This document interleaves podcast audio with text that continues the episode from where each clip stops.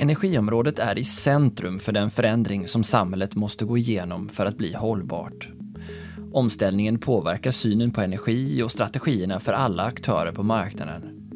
I Energistrategipodden utforskar vi detta och jag som delar resan heter Niklas Sigholm. Stefan Persson är VD för det kommunalt ägda energibolaget Norrenergi. Här hittar vi flera av Sveriges mest snabbväxande områden som Sundbyberg, Solna, Bromma och Danderyd. Och bolaget är också sammankopplat till det större Stockholmsnätet med Stockholm Exergi i mitten. Norrenergi tillhandahåller värme och kyla och man säger att cirka 100 000 boende och arbetande får sin värmekyla från bolaget. De största anläggningarna ligger vid Solnaverket där man också har ambitioner om att få bygga ut. Men utmaningarna för ett energibolag i ett tätbebyggt och växande område är flera. Hur ska man få plats? Och hur tänker fastighetsbolag om konkurrensen på uppvärmningssidan? Hur hanterar Stefan det växande behovet av flexibilitet och utveckling mitt i en stor stad? Kul att ha er tillbaka. Hej Stefan Persson och varmt välkommen till Energistrategipodden. Eh, innan vi ger oss in i alla de vägval ni står inför, kan du berätta lite om hur du eh, har hamnat här?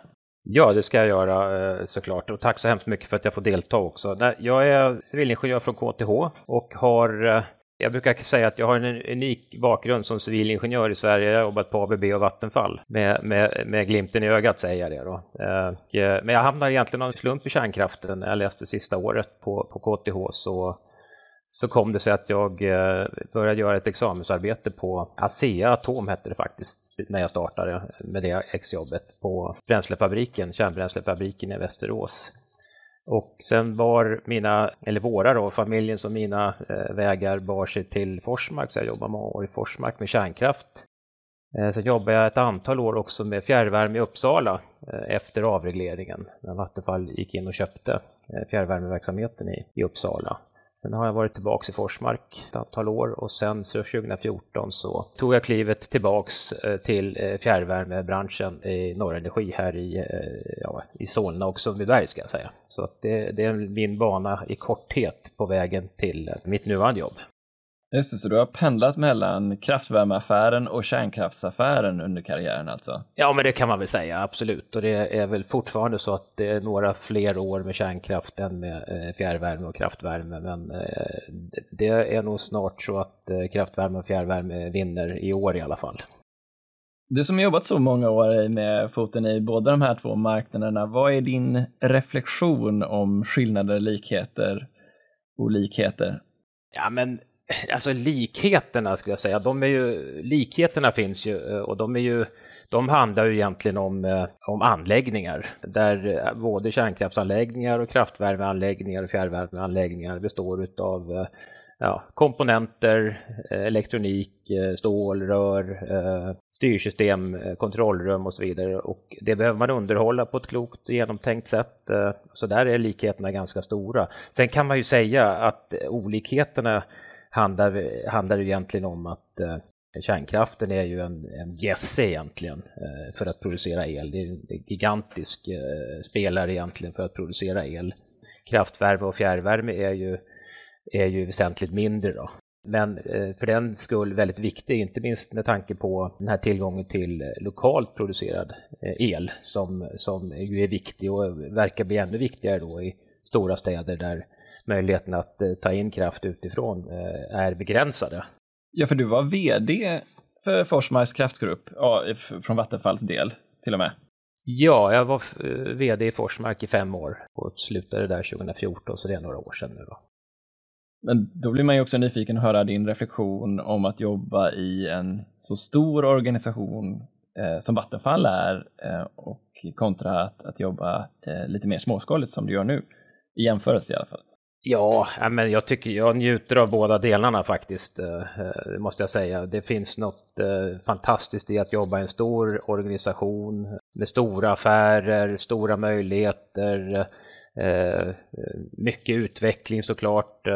Däremot, det, det, tycker jag, så är det, det är väldigt, det är väldigt stimulerande, oerhört stimulerande och jag tyckte det var väldigt stimulerande att att jobba med kärnkraft som är en, eh, jag brukar kalla det för en avancerad industritillämpning. Ska man ha kärnkraft i samhället så kräver det mycket av samhället för det är en avancerad industritillämpning. Det behövs forskning, utbildning till exempel, en sån infrastruktur. Det behövs en stark myndighet eh, också.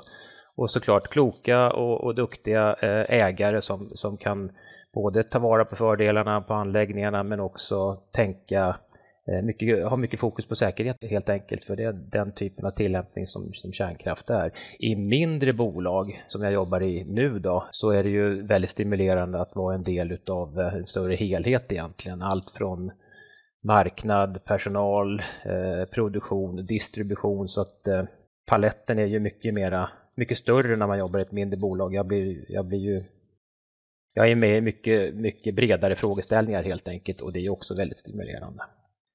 Vad säger du nu då om där vi befinner oss och där marknaden är just nu? Skulle vi titta på scenarioanalyserna framåt så är ju båda de här två kraftslagen dispatchable, alltså planerbara på något sätt och båda på lång sikt eh, i alla fall har en risk att minska. Sen finns ju den andra bilden, eh, så företrädare från respektive teknikerna som pratar om Eh, nödvändigheten av dem båda. Men vi befinner oss ändå i ett lite nytt läge där de här två kraftslagen som har varit så ska man säga, fundamentala för svensk eh, energimarknad ändå har tvingats se sig själv i en ny roll i den allmänna debatten, i, lokalt i Sverige i alla fall. Hur ser du på det? Ja, alltså det är ju en svår fråga såklart, men jag tänker ändå att eh, jag tänker ändå att eh, om man, jag, jag, brukar, jag, brukar tänka, jag brukar tänka lite stort när jag börjar i alla fall. Och eh, det, ny, det publicerades någon siffra förra veckan eh, och jag hörde något på radion tror jag i helgen om att världens energiproduktion baserar sig på 80 eller 84 procent eh, på fossila bränslen. Och eh, det betyder att utmaningen i det närmaste är gigantisk. Och i, en sån utmaning så tänker jag att man behöver i första hand då ta vara på de möjligheter som ändå finns, åtminstone i något slags kort och medellångt perspektiv.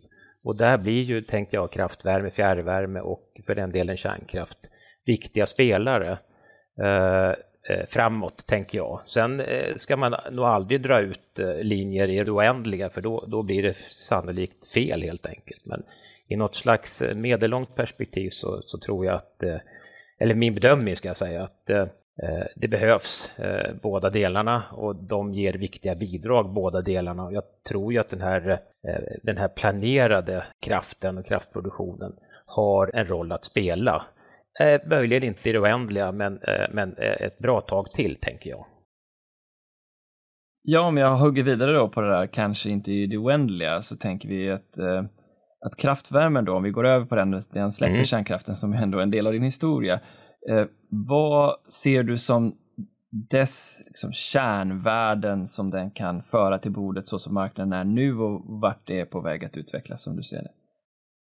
Eh, ja, men både fjärrvärme och kraftvärme har ju eh, väldigt goda möjligheter att avlasta elsystemet.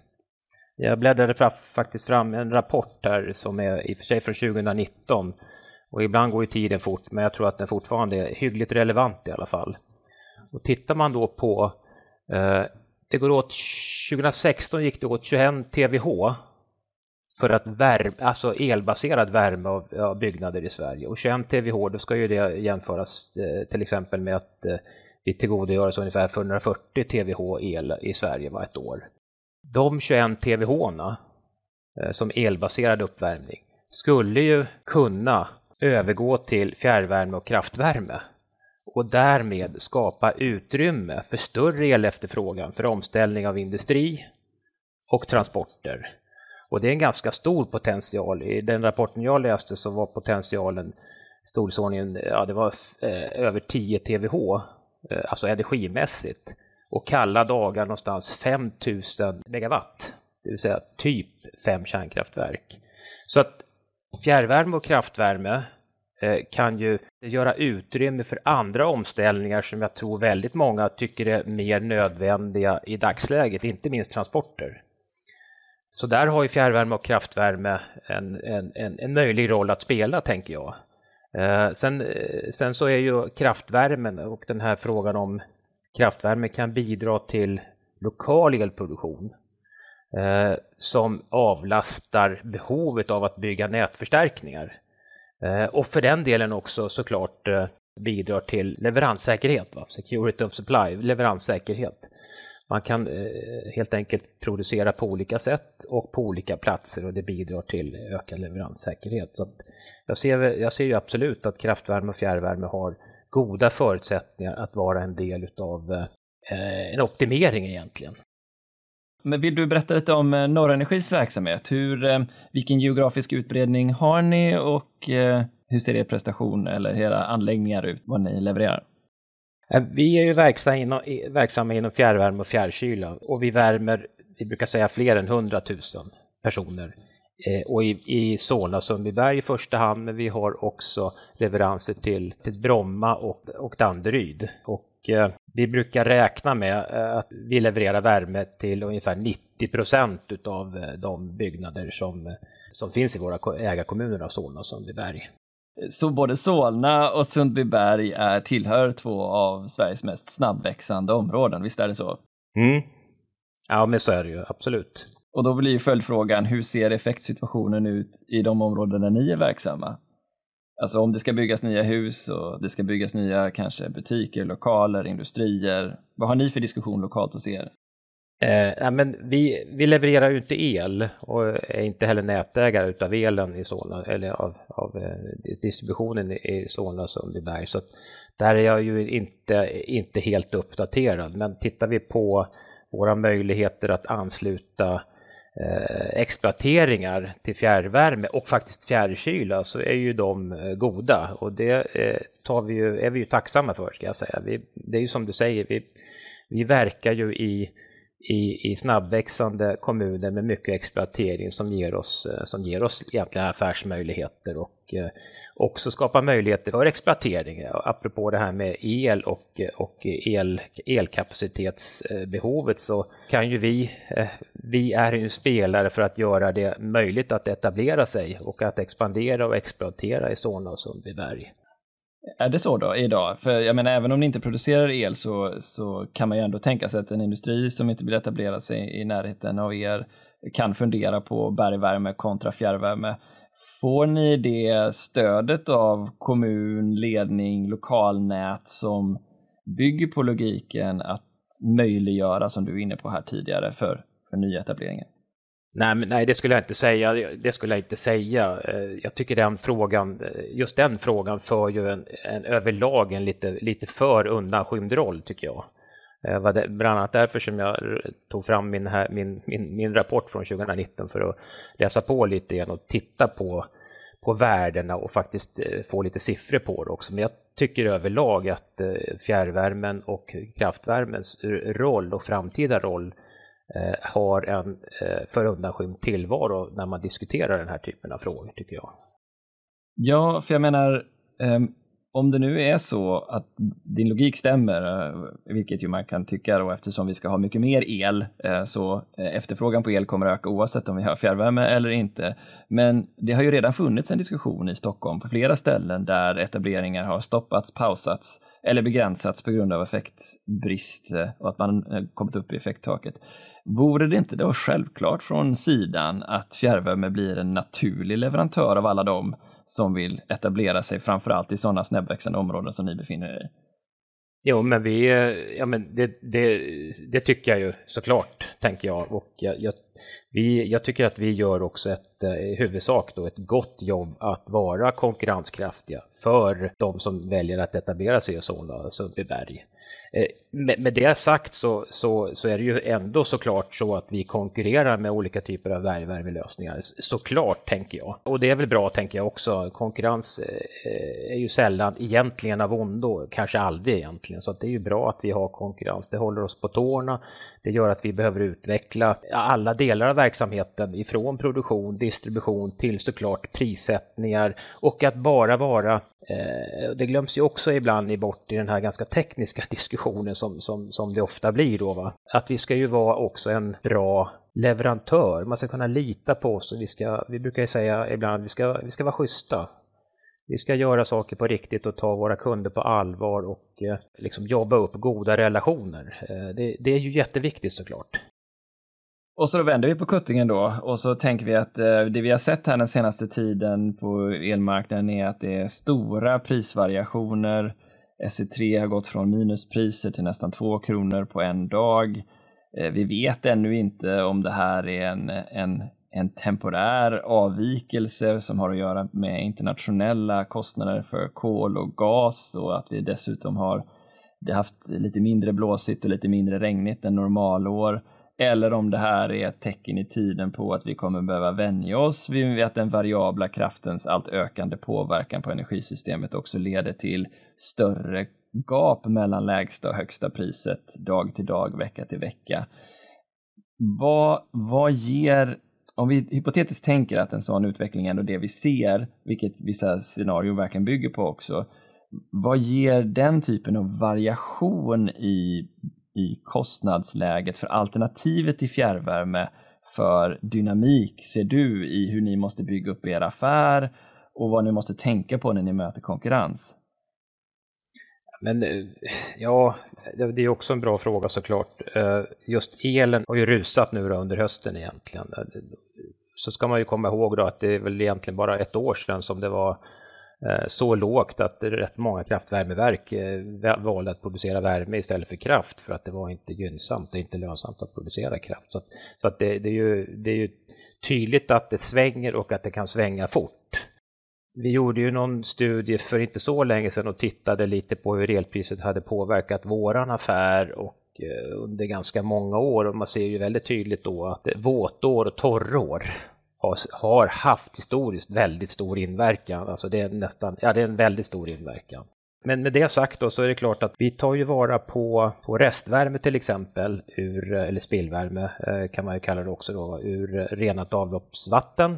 Och, och, och det gör vi ju genom att använda stora värmepumpar som, eh, som, som går på el då egentligen. Där är vi ju liksom exponerade för elpriset, eh, hur det går upp och ner kan i och för sig då eh, vara mindre exponerade genom att eh, jobba med terminskontrakt och, och, och sådana här saker.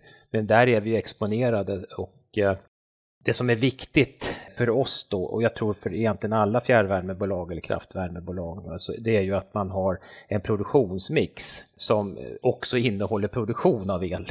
För då jämnar man ut det här, man blir liksom hedgad eh, inom sin egen produktionsflotta och där, där gick in, ingick ju, eller vi gick in i ett utvecklat samarbete med Stockholm Exergi 2016 där vi eh, eh, också eh, kommer i, i åtnjutande utav elproduktion om jag uttrycker mig så. Och vi använder delar då utav det vi kallar för värmeunderlag, alltså kundernas behov i Solna och Sundbyberg för att också producera el, mer el än annars skulle ha varit fallet. Va? Men det, som är, det är ju viktigt för eh, den här typen av bolag som, som, som jag eh, ansvarar för idag, då, att man har en, en produktionsmix som eh, är hedgad i vad det gäller elpriset. Då, va? Och, och den hedgen kan man ju kan man ju liksom verkligen maximera och optimera på, på olika sätt. Men det är viktigt och det är nog den viktigaste tekniska delen vi kan göra eh, för att verkligen eh, ha bra förutsättningar även vid varierande, kraftigt varierande elpriser. Och hur ser du det framåt, den flexibiliteten? Nu nämner du ju då den här hedgningen i det att man både har då kanske en en exponering mot att ha Eh, värmepumpar, alltså vara beroende av elpriset för en del av sin värmeproduktion, ha biomassa för att ha det benet. Eh, vilka mer beståndsdelar tror du att ni, man skulle man kunna bygga på där ser du och vad ser, vad ser du i framtiden? Ja, vi tittar ju på lite olika spännande saker tycker jag. Ett är ju, är ju nya möjligheter att lagra värme, det vill säga egentligen producera värmen när priset är lågt. Då. Och då har det kommit fram lösningar som handlar om att man kan eh, lagra värme i eh, någon typ av salt. Så då kan man, värma, eh, kan man lagra höga temperaturer. Det blir ganska kompakt och höga temperaturer. Och då, då, så lagring är ju ett sätt att hantera fluktuerande elpriser, tänker jag. Det blir lite grann som pumpkraftverk pumpkraftverken som åtminstone fanns i Tyskland förr i tiden. Man pumpar upp vattnet på natten och släpper tillbaka det på dagen. Eh, då kan, man, då kan man vara mer flexibel mot just elpriserna i alla fall. Eh, sen så finns det ju andra eh, möjligheter tänker jag också som vi tittar på såklart. Det är ju att kunna optimera fjärrvärmesystemet Eh, genom att låta byggnader i fjärrvärmesystemet vara en del av den totala optimeringen. En byggnad är ju också ett värmelager, det är liksom den enkla logiken. Det tittar vi också på. Vi går in i, i eh, ett eh, spännande projekt, hoppas jag nu då, till, till, till vintern, där vi börjar titta på det här och också kopplar upp en del fjärrvärmecentraler för att se vad det här kan ge. Det ger ju också en flexibilitet. Det är det här som man kallar, tror jag, i elsammanhang kallar man ju för efterfrågeflexibilitet. Eh, så den tycker jag den är också viktig. Eh, vi tittar också på eh, och följer med spänning skulle jag säga det här som kallas för djupbiotermi som inte är, det är väl på väg kanske tänker jag att slå igenom lite mer kommersiellt Det pågår tror jag i Helsingfors ett projekt som jag inte tror egentligen eh, är up and running ännu men, men, men eh, kanske inom kort då. Eh, det tycker jag är en spännande liksom, teknisk applikation på många sätt. Det går ju ut på att man borrar två hål till 6000 meters djup eller något sånt där och då får man ju upp temperaturer som är åtminstone väldigt nära Eh, prima fjärrvärmetemperatur. Eh, nu ska det i och för sig pumpas i 6000 meter så att det blir liksom inte gratis det heller men det är väldigt spännande och det blir, kan ju vara väldigt intressant i, i, i städer där konkurrensen om mark är hög. Eh, där, man liksom, där, vi, behöver, där vi, kan, vi kan inte breda ut oss hur mycket som helst långt därifrån utan vi måste hitta teknologier då, eller tekniker som, är, som inte är så platskrävande. Och, och gärna tänker jag också sådana tekniker eller sådana eh, möjligheter att producera som inte kräver mycket transport. Det är ju inte minst tror jag, där vi verkar så är det ju det är trångt på vägarna helt enkelt. Spännande. Då nämner du då alltså flexibilitet nedströms hos kund och kanske även i distributionsledet. I omvandlingsdelen handlar det både om att hitta nya sätt att skapa energi på eh, och också kunna lagra energi för att öka flexibiliteten mer när marknaden börjar kräva mer flexibilitet. Hur ser det ut uppströms då? Hur, eh, på bränslesidan? Hur jobbar ni med flexibilitet för att också säkerställa en, en hedgning där? Där vill jag återigen nämna vårt eh, samarbete eller samverkan med egentligen både Stockholm Exergi och Söder Energi. Våra fjärrvärmenät sitter ihop. Det är väl Sveriges största eh, fjärrvärmenät från Södertälje i söder till, eh, ja det kanske är Solna i norr då egentligen. Det finns ju och, och, det ger ju möjligheter för oss att, och vi importerar värme ska jag säga ifrån eh, våra eh, andra samarbetspartners. Där kommer vi i åtnjutande av större flex, bränsleflexibilitet än vad vi kan åstadkomma själva. Eh, vi kan inte etablera en stor basproduktion, det är för trångt helt enkelt.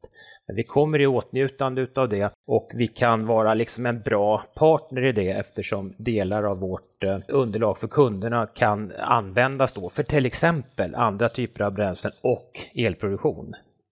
Eh, så den blir ju väldigt viktig. Det är svårt, tror jag, att driva en fjärrvärmeverksamhet om man inte har tillgång till eh, basproduktion, alltså, och den typen av bränsle som används i basproduktion och samtidigt generera el. Och det har vi ju liksom löst med det här samarbetet.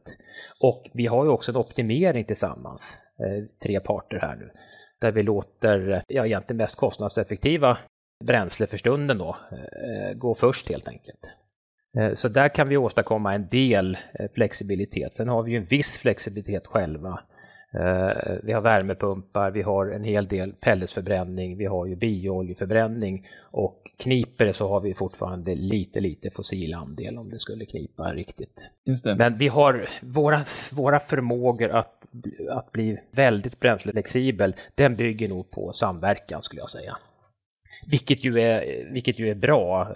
Man pratar ju ofta om att optimera helheten, optimera energisystemet och då kan man ju slås, då slås ju jag av hur, hur stor helheten är. Och hur, hur den växer och helheten jag menar fjärrvärmen i Sundbyberg och Solna, de, gick, de startade tror jag på 50-talet och då var det separata system.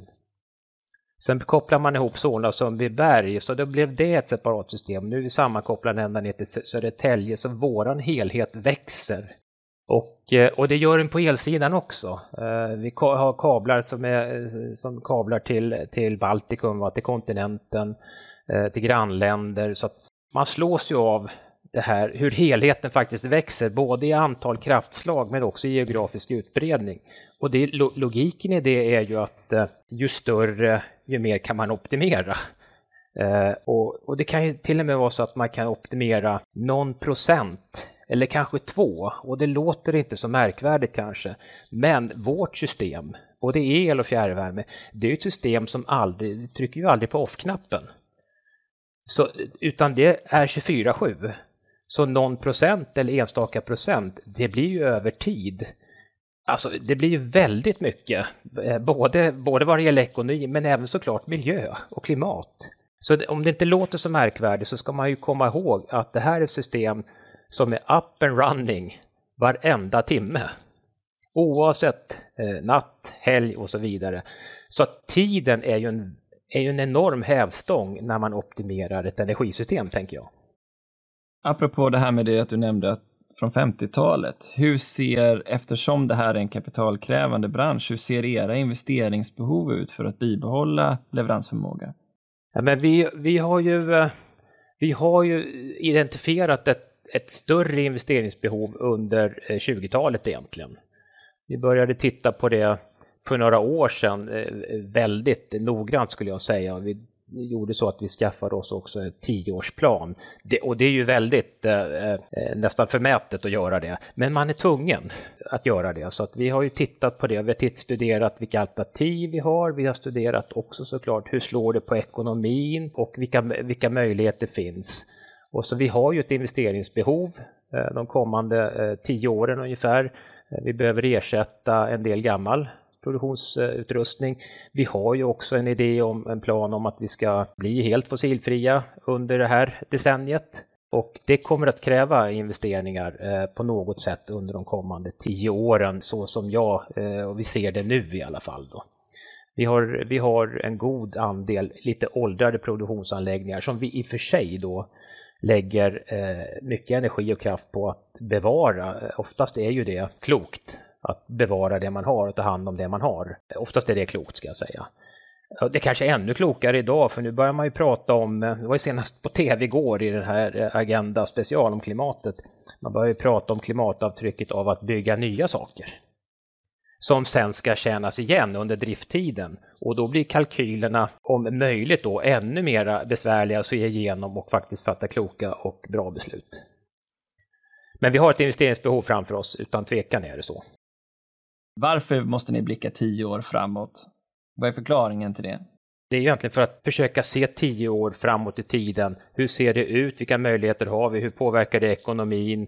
Eh, och den typen av frågor. Hur påverkar det finansieringen? Hur kan vi finansiera det vi behöver göra? Det, blir ju, det är väldigt viktigt tycker jag, att se till att ha en, en, god uppfattning om det. Sen ska man ju vara väldigt ödmjuk. Att blicka tio år framåt är svårt och det, är väl, det, det, man nästan kan vara helt säker på det är ju att det blir något annat. Men eh, man brukar ju säga att det är lättare att improvisera om man har en plan. Så det kommer krävas nya investeringar, inte minst för att nå miljömålen, men för att också renovera och eh, att eh, ersätta kanske anläggningar som vars ekonomiska eller tekniska livstid har löpt ut. Och så nämner du också att ni cirkulerar värmen från eh, avloppsvatten och ni använder eh, mycket förnyelsebara källor. Ni använder stordriftsfördelar av att sitta ihop i Stockholmsnätet. Det hela leder fram till frågan, hur ser du på marknadsdesignen för de tjänster du erbjuder? Får du betalt för den nyttan som du tillhandahåller marknaden på ett rimligt sätt, enligt dig? Uh, ja, men jag, jag, tycker att vi får det på ett rimligt sätt, ja. Jag, jag har svårt, att, eh, svårt att, att, beklaga mig över det, måste jag erkänna. Vi, vi, vi är ju ändå ett företag som har gått ifrån en ganska ganska tråkig ekonomi eh, för tio år sedan till en, ett företag med, med, med, med bra ekonomiska förutsättningar. Så att, ja, men det är svårt och jag, jag, kan inte beklaga mig över det.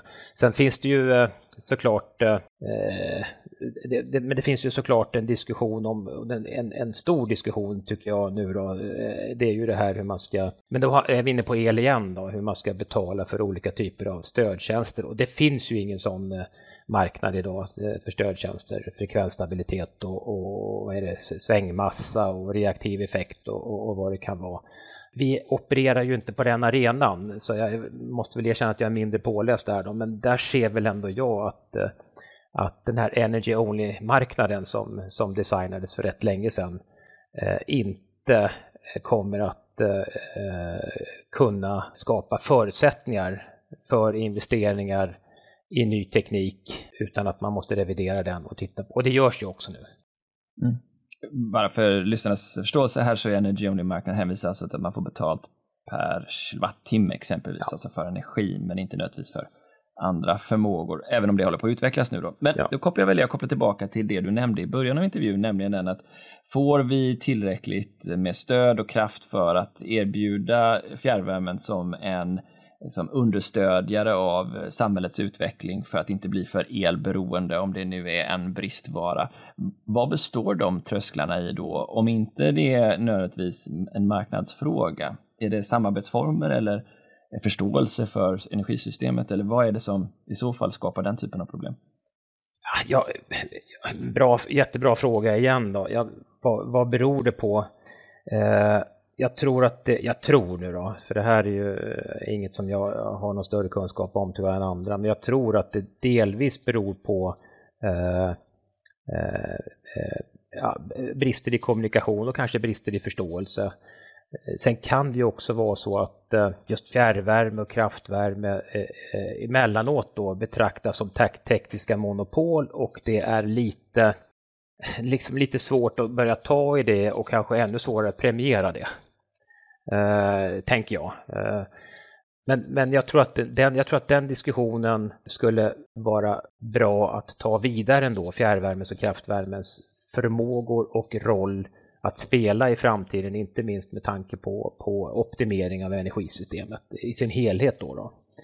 Eh, men det är väl mer en spekulation än att jag skulle veta det. Jag tycker att det är för tyst kring kraftvärme, kraftvärmens och fjärrvärmens roll. Jag tycker att den skulle förtjäna en, en ännu tydligare del i den diskussion som pågår. Det tycker jag.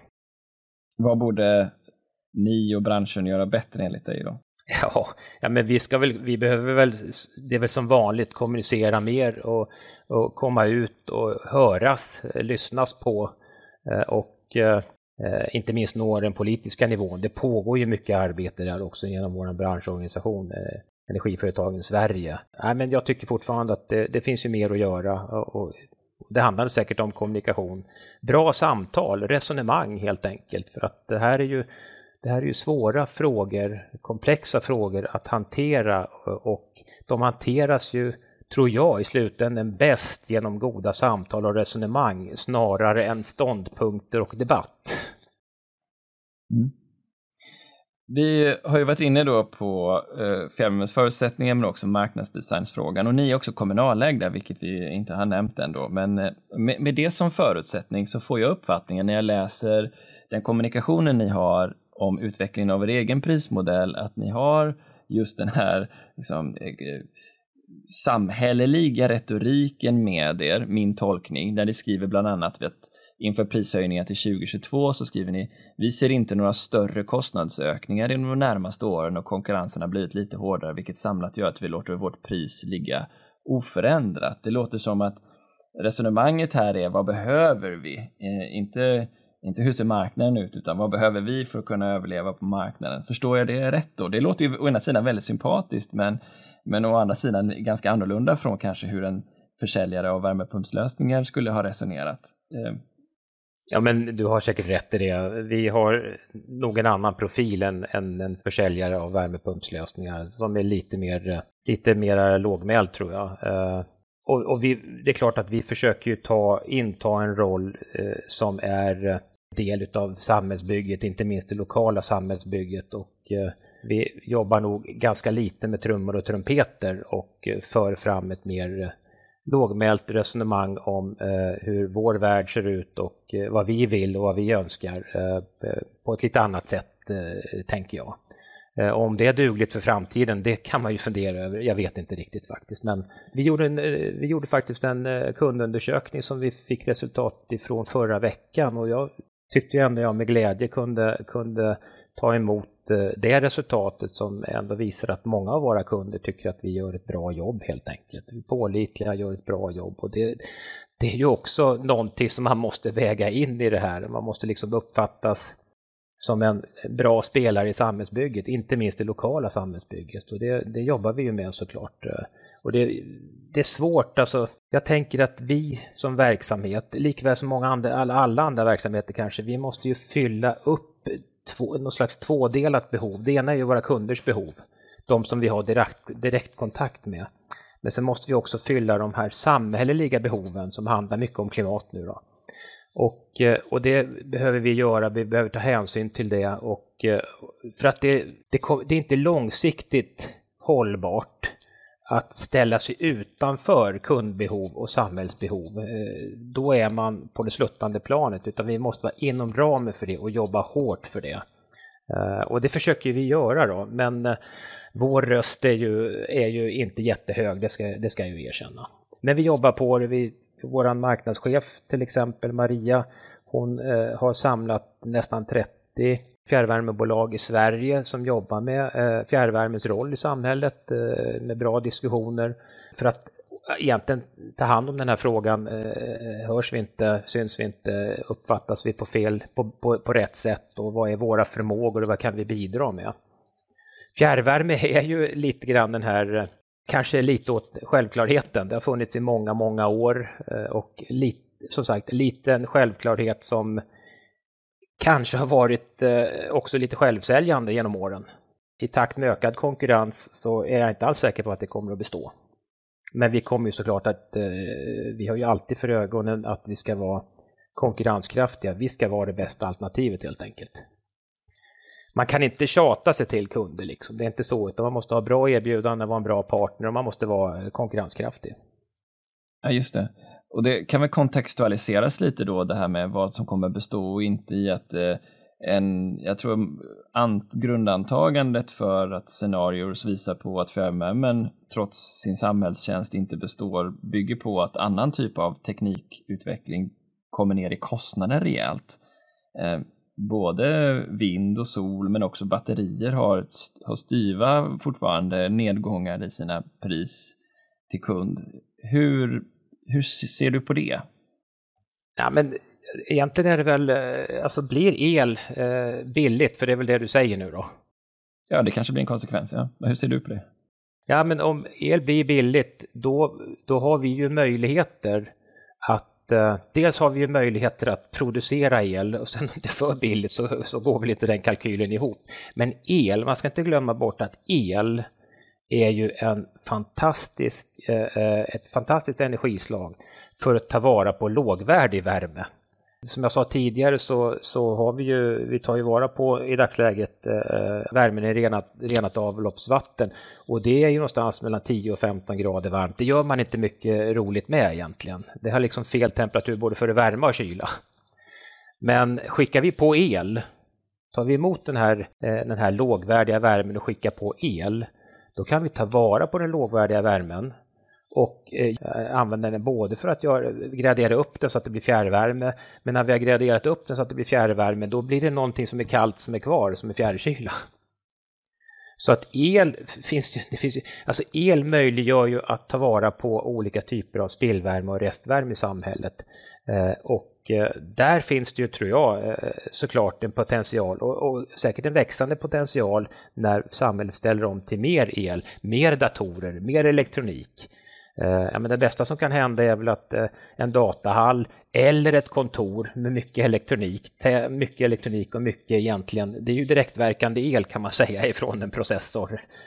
Att kunna ta vara på det en gång till och gradera upp det till fjärrvärme, det är en fantastisk möjlighet. Men då krävs ju el och el billigt så kommer ju den affären att kunna växa tänker jag.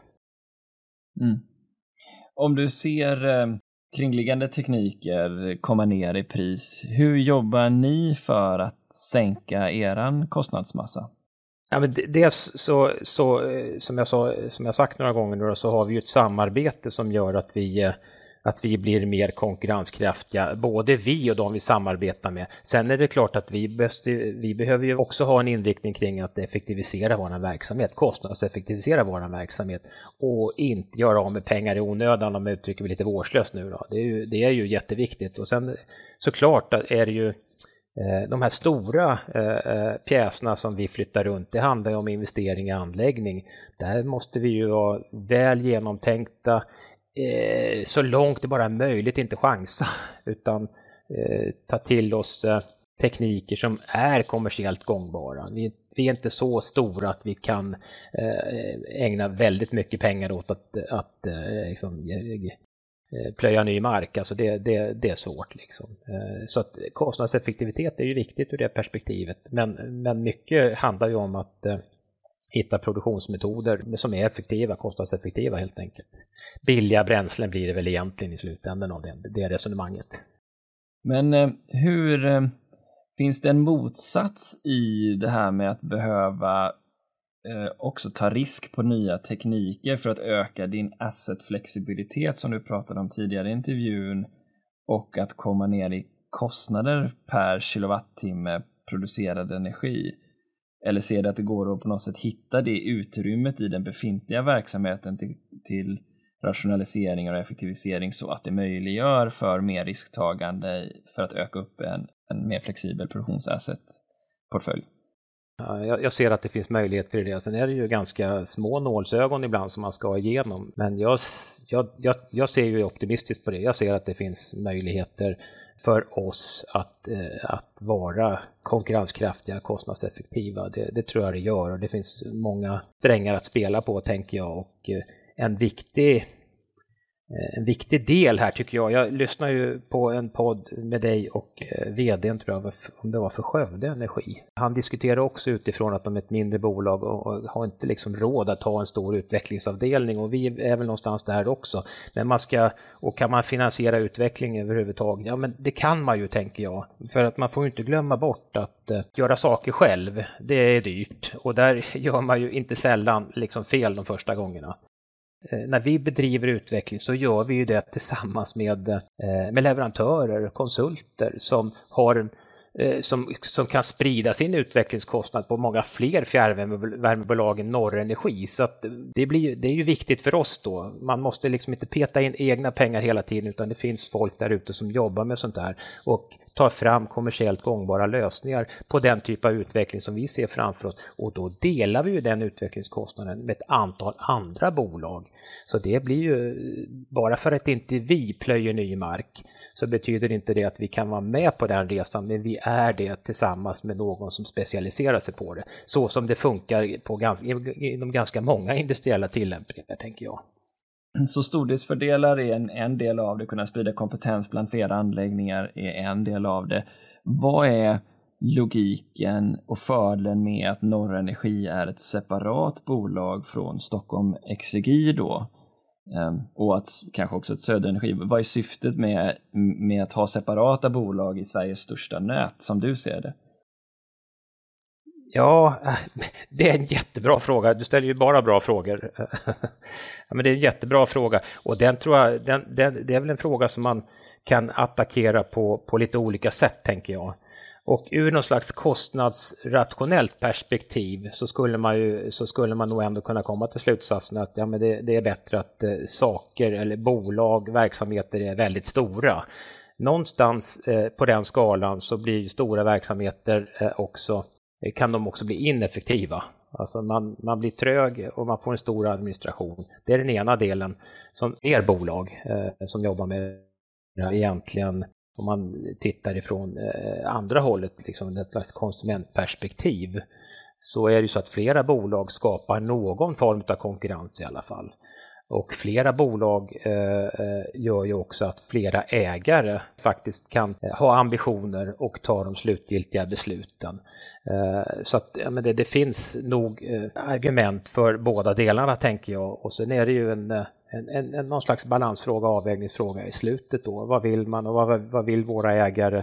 Och vad, vad, är, vad är ekonomiskt rationellt ur någon slags företagsperspektiv? Vad är ekonomiskt rationellt ur ett slags konsumentperspektiv och ur ett ägarperspektiv då? Eh, eh, så att jag har inga färdiga svar på det, så är det. Jag tänker bara det här, eh, för ni har väl en prismodell och Exegi har en prismodell och Södertörns fjärrvärme har en prismodell och E.ON har en prismodell i samma nätområde. Visst förstår jag det rätt då? Ja, E.ON är vi väl inte ihopkopplade med, inte ännu i alla fall. Va? Ja, men de hänger ihop med själva stor, stornätet ändå lite grann eh, på vissa sina anläggningar. Absolut, och ja, det är ju, egentligen är det ju så att när fler arbetar och fler tänker så kan man komma lite, till lite olika slutsatser. Eh, och sen kanske det är så att över tid så konvergerar sånt för någon hittar mer rätt än andra. Men det kan ju också vara ett argument för att det är bra att fler jobbar, fler tänker och fler, man får, får med sig fler infallsvinklar. Men, men visst är det väl rimligt att tro att, eh, att över tid så kommer den här typen av frågor att konvergera mot den lösningen som någon hittar som är bäst egentligen. Jag ser att en del av det jobbet ni verkar göra i hur ni vill eh, forma er affärsmodell är att öka betydelsen för effektdelen av er taxa, någonting som vi har sett i branschen och någonting vi också i här, bara du och jag, har diskuterat eh, i, utifrån ett elperspektiv. Hur, eh, hur kommer det sig att en sån rörelse sker och varför är det viktigt, tror du? Att öka effektdelen av taxan? Ja. Mm, ja, vi, den tittar vi på kontinuerligt och i grunden för våran prissättning är ju att den ska vara, vi brukar säga kostnadsriktig. Så när vi har Eh, andelen fasta kostnader hos, hos oss eh, respektive rörliga kostnader hos oss ska speglas i, i sättet som vi eh, prissätter eh, våra tjänster egentligen. Det är grunden eh, eh i tanken där och, och, det är det som är vår utgångspunkt. Eh, och sen Eh, Eh, så får vi väl se hur det utvecklar sig över tid. Eh, men vi stämmer ju av det varje år och tittar på det här och, och funderar. Och så ska man, där ska man ju också komma ihåg att det finns liksom ett kundperspektiv. Det är ju eh, Många kunder säger jag nu utan att ha liksom grävt ner i alla detaljer, men många kunder i alla fall har jag upplevt genom åren önskar sig mycket rörlig taxa så att man kan dra fördelar av, eller stor andel av taxan ska vara rörlig så att man kan dra fördelar av energieffektiviseringar om det skulle råka vara en mild, mild vinter och så vidare. Vårt perspektiv är ju att eh, även om det råkar vara en mild vinter så måste vi ha en anläggning i bakfickan om det skulle råka att vara en kall vinter. Och den avvägningen är ju, är, behöver vi ju göra eh, och, och, försöka ta tillvara på både våra eh, behov då, eller intressen och våra kunders behov och intressen på ett bra och balanserat sätt. Eh, tänker jag. Så, att, eh, ja, men det, så det är en viktig fråga tycker jag. Prissättning är ju en viktig fråga. Man ska komma ihåg tycker jag att prissättning alltid är en viktig fråga.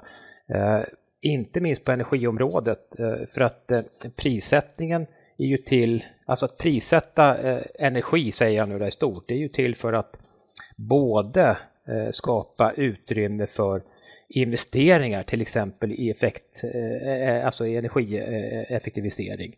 Men det är också ett sätt att eh, påverka beteenden. Så prissättning är ju som ett viktigt verktyg i energiomställningen som jag ser det. Som, och, och, ibland kanske man glömmer bort det på något sätt, inte minst som konsument om man står och tankar bilen så, så känns det ju inte särskilt upplyftande just nu. Då. Men, och det var ju faktiskt också en uppgift som jag lärde mig igår då i det här tv-programmet att, eh, att eh, om man höjer bränslepriset eh, 10 vid pump så påverkar det, så går antalet resor ner med 2% Så att det finns en beteendekoppling i prisperspektivet som som man, måste, alltså, som man behöver komma ihåg och som man behöver förfara med på ett klokt och genomtänkt sätt. Det är inte så, påstår jag i alla fall, att, att bara för att, att saker blir, blir entydigt bättre bara för att det är billigt, om jag uttrycker mig så. För att pris tjänar syften även i en energiomställning. Just det.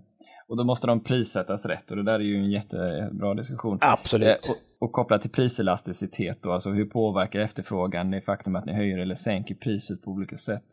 Eh, tror du att det finns eh, utrymme för mer prishöjningar för fjärrvärmen givet dess nyttor som den tillhandahåller för marknaden? Uh, ja, bra fråga. Alltså, uh, ja, men det finns ju uh, kanske utrymme. Alltså, egentligen handlar det ju om hur konkurrensen utvecklar sig. Och, och eh, e, i, i, första hand tänker jag, för vi behöver ju alltid vara ett konkurrenskraftigt alternativ. Och, eh, och de konkurrenskraftiga alternativen kan man ju ändå förutse kommer att bli bättre och bättre och då behöver vi bli bättre och bättre och det kommer ju alltid att, eh, att att, eh, att, att, vara en del utav bromsen eh, för, för en prisutveckling, hur, hur kon, ja, konkurrerande alternativ utvecklas, så är det ju. Och vad utrymmet är över lång tid, bra fråga, jag vet egentligen inte. Men, mm. men, men det, det är väl inte en jättevågad prognos att i alla fall under ett antal år så kommer energi att vara dyrt, tänker jag. För att det finns en vilja att det ska vara dyrt, eh, inte minst för att påverka eh, beteenden. Eh, och det är väl bakgrunden till olika typer av skatter och regleringar och sådana här saker. Det, det, finns liksom en vilja, en politisk vilja till att energi ska vara dyrt så att vi konsumerar egentligen mindre energi för att energi är, påverkar miljö och klimat när man producerar det helt enkelt jag zonar ner på det lokala igen då. Vad ser du nu inför valet vi är på väg in i att det finns för typ av svar på vart vi är på väg? Utan att recensera partierna tänker jag, men hur viktig roll tror du energifrågan kan eller bör spela i, i valet eftersom den är så tätt kopplad till hela klimatomställningen? Jag tänker du på riksdagsval nu eller? Ja, precis. Ja, men energifrågan spelar ju en, en, en väldigt viktig roll och, och faktiskt så, så växer den ju, tycker jag, nästintill lavinartat här bara på något år eller två. Eh, det är min, är ju min, det, är det, det är det jag tycker att jag ser. Eh, och att det är en viktig fråga. Och, Får den tillräcklig attention då, tycker du? Eh, ja, men det, det, alltså, det, är ju, det, är ju, det är ju tveksamt, eh, tycker jag. Det är ju tveksamt. Eh, jag, den skulle förtjäna mer attention, tycker jag. Och inte minst eh, med tanke på återigen det här programmet jag såg igår som handlade om just eh, riksdagspolitiken. Eh, från alla partier hade ju företrädare i det programmet igår. Och fick ju någonstans mellan underkänt och, och, och kanske i närheten av, av, av okej okay då ifrån forsk, forskarsamhället egentligen. Så att nej men det, det är nog helt klart mer attention, mer attention krävs, mer verkstad krävs tror jag. Och det som vi, det som vi, och jag ska säga så här, det är ju, det är ju när jag satt och filosoferade och funderade lite och förberedde mig för det här samtalet så, så, så kom jag att tänka på då hur hur tidens tand, jag reflekterade ska jag säga, reflekterade över hur tidens tand på något sätt nöter ner eh, de, de besluten som vi trodde var klok, kloka tidigare. Eh, så att det här som vi trodde var guldklot en gång i tiden, det, det, när tiden går så nöts det och så blir det kanske ett silverklot och kanske ibland inte ens det. Vi hade vattenkraften någonstans eh, runt 1800-1900. Vi har haft kärnkraft. Vi har haft biokraft, eh, vi pratar om vindkraft, nu har vi vätgasekonomier som, som växer fram, solkraft och allt skulle jag säga Eh, har baksidor. Så att guldkloten har vi inte riktigt ännu. Vi kanske har silverklot men inte guldklot och någonstans blir ju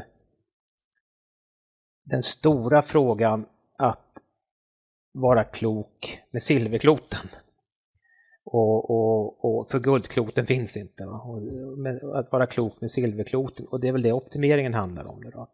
Åtminstone ta vara på, på, på silverkloten eh, eh, som vi har och göra det på bästa sätt. Och också försöka att förvandla silverklot till guldklot. Det kommer ju göras, påbörjas nästa år, va? en stor omprövning av alla vattendomar va? Eh, eh, som kommer ta, jag kommer inte ihåg, det var, jag tror att det är över tio år för det är över 2000 vattenkraftverk som ska miljöpröv, miljöprövas.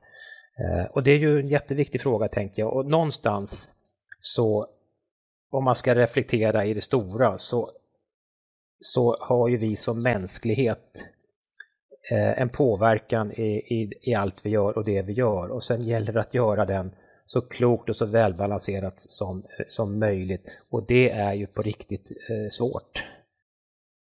Ja, hur ser du på det då, den här balansen mellan å ena sidan då, att ta vattenkraften och eh, ramdirektivets liksom påverkan på det, så är det ju Eh, ett exempel, vi kan ta flera, även biomassa och skogen har ju det just nu, den kontra klimat och miljömål. Hur ser du på den diskussionen? Biodiversitet mot eh, tillgängliga träråvaror eller vattenkraften kopplat till biotoper runt älvarna. Jag välkomnar den diskussionen. Det är själva förutsättningen för att vara framgångsrik. Jag välkomnar den diskussionen. Eh, och det, alltså den diskussionen och det resonemanget, för det är en, någon slags, det är en ödesfråga att faktiskt välkomna den diskussionen och försöka göra de allra bästa och mest eh, genomtänkta eh, balanserna som vi kan åstadkomma. Så att, och utan diskussion och utan debatt så, så, så kör vi ju egentligen bara på som vi alltid har gjort, eh, eh har jag en känsla av. En, en ödesfråga för vem? Ja, jag du? tänker att det klimat, eh, alltså det här klimat, eh, vad heter det, klimatpåverkan och den här uppvärmningen av jordklotet, den är ju, rubriceras ju ganska ofta som en ödesfråga för mänskligheten. Sen så fanns, är det väl så att det var några forskare som skrev i någon tidning här för ett par veckor sedan om att ja, men det är nog dumt att göra, det, det, är nog dumt att liksom göra det här till svart och vitt eh, och att vi trillar över kanten rätt vad det är, utan för då kanske vi gör dåliga avvägningar helt enkelt. Och det, det tror jag också är vikt, viktigt att tänka sig att eh, med kloka avvägningar, tänker jag, och, eh, och, eh, och och rätt mycket verkstad tänker jag. jag. Jag läste något annat, för några, det var säkert för några månader sedan, det var någon som skrev i en krönika att i Sverige är vi världsmästare på att beskriva problem. Inte riktigt lika duktiga på att lösa problem, men det är liksom det som det handlar om. Va?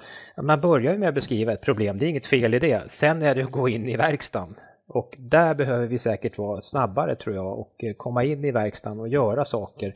Och jag är jätteödmjuk inför hur svårt det är och hur komplext det kan vara. Men, men det är ändå dit vi måste, tänker jag. Har du förändrat din syn på den eh, koldioxid ni släpper ut från biogena material givet den senaste årets diskussion om skogen och, och hur hållbar den är? Nej, jag, jag har inte, min jag har inte förändrat min personliga syn, inte ännu eh, i alla fall. Eh, jag är ju fullt medveten om eh, den här diskussionen om, ja det finns väl två diskussioner, dels är det hållbart skogsbruk som, som egentligen dominerar den senaste tidens diskussion, tänker jag. Va? Sen finns det ju den andra diskussionen som handlar om att all koldioxid är skadlig i nuläget, så vi ska inte släppa ut vare sig biogen eller fossil eh, koldioxid. Och båda de diskussionerna tycker jag är relevanta. Eh, jag har ju ändå, tycker ju ändå så här långt att, att eh, en del utav eh, vår framtid handlar nog om att ta vara på, till exempel som vi gör, restprodukter ifrån sågverk handlar det ju om faktiskt. Restprodukter från skogen och från sågverk. Alternativet är ju att inte göra någonting med det och då ser ju jag ändå att, ja men än så länge tycker jag Eh, när jag har följt det, jag har följt det ganska noga också, så kommer jag ju till slutsatsen att det finns goda skäl att fortsätta med det.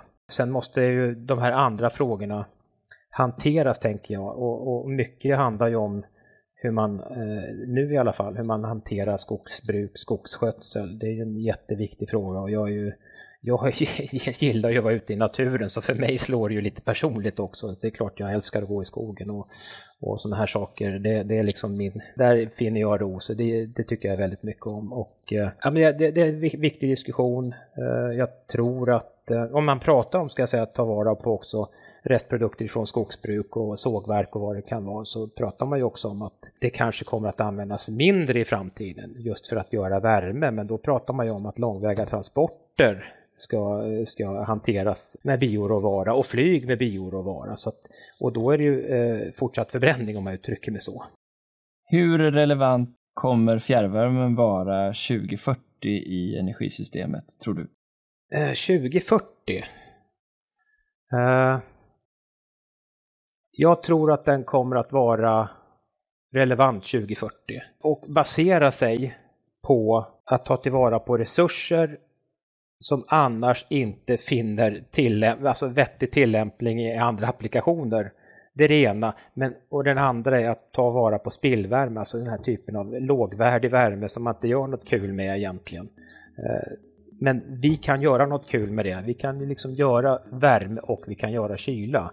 Så fjärrvärmenäten är ju den stora resursen där tänker jag. Vi har en infrastruktur eh, som är nedgrävd och ligger på många ställen i Sverige och den kan användas för att ta tillvara på, eh, som jag sa då, olika typer av resurser som annars inte kommer oss till nytta utan går förlorade och det tror jag inte vi har råd med.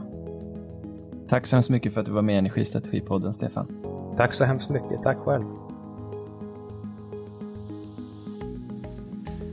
Nästa vecka får vi träffa Vattenfalls strategichef Andreas Regnell som genom sin position har en god utblick inte bara över den svenska utvecklingen men även den europeiska. Med tanke på bolagets historia är visionen om fossilfrihet inom en generation en substantiell förändring av fokus och tankemönster. Hur såg den utvecklingen ut? Vi får höra Andreas beskriva den resan och vad han ser framåt. Ta hand om er.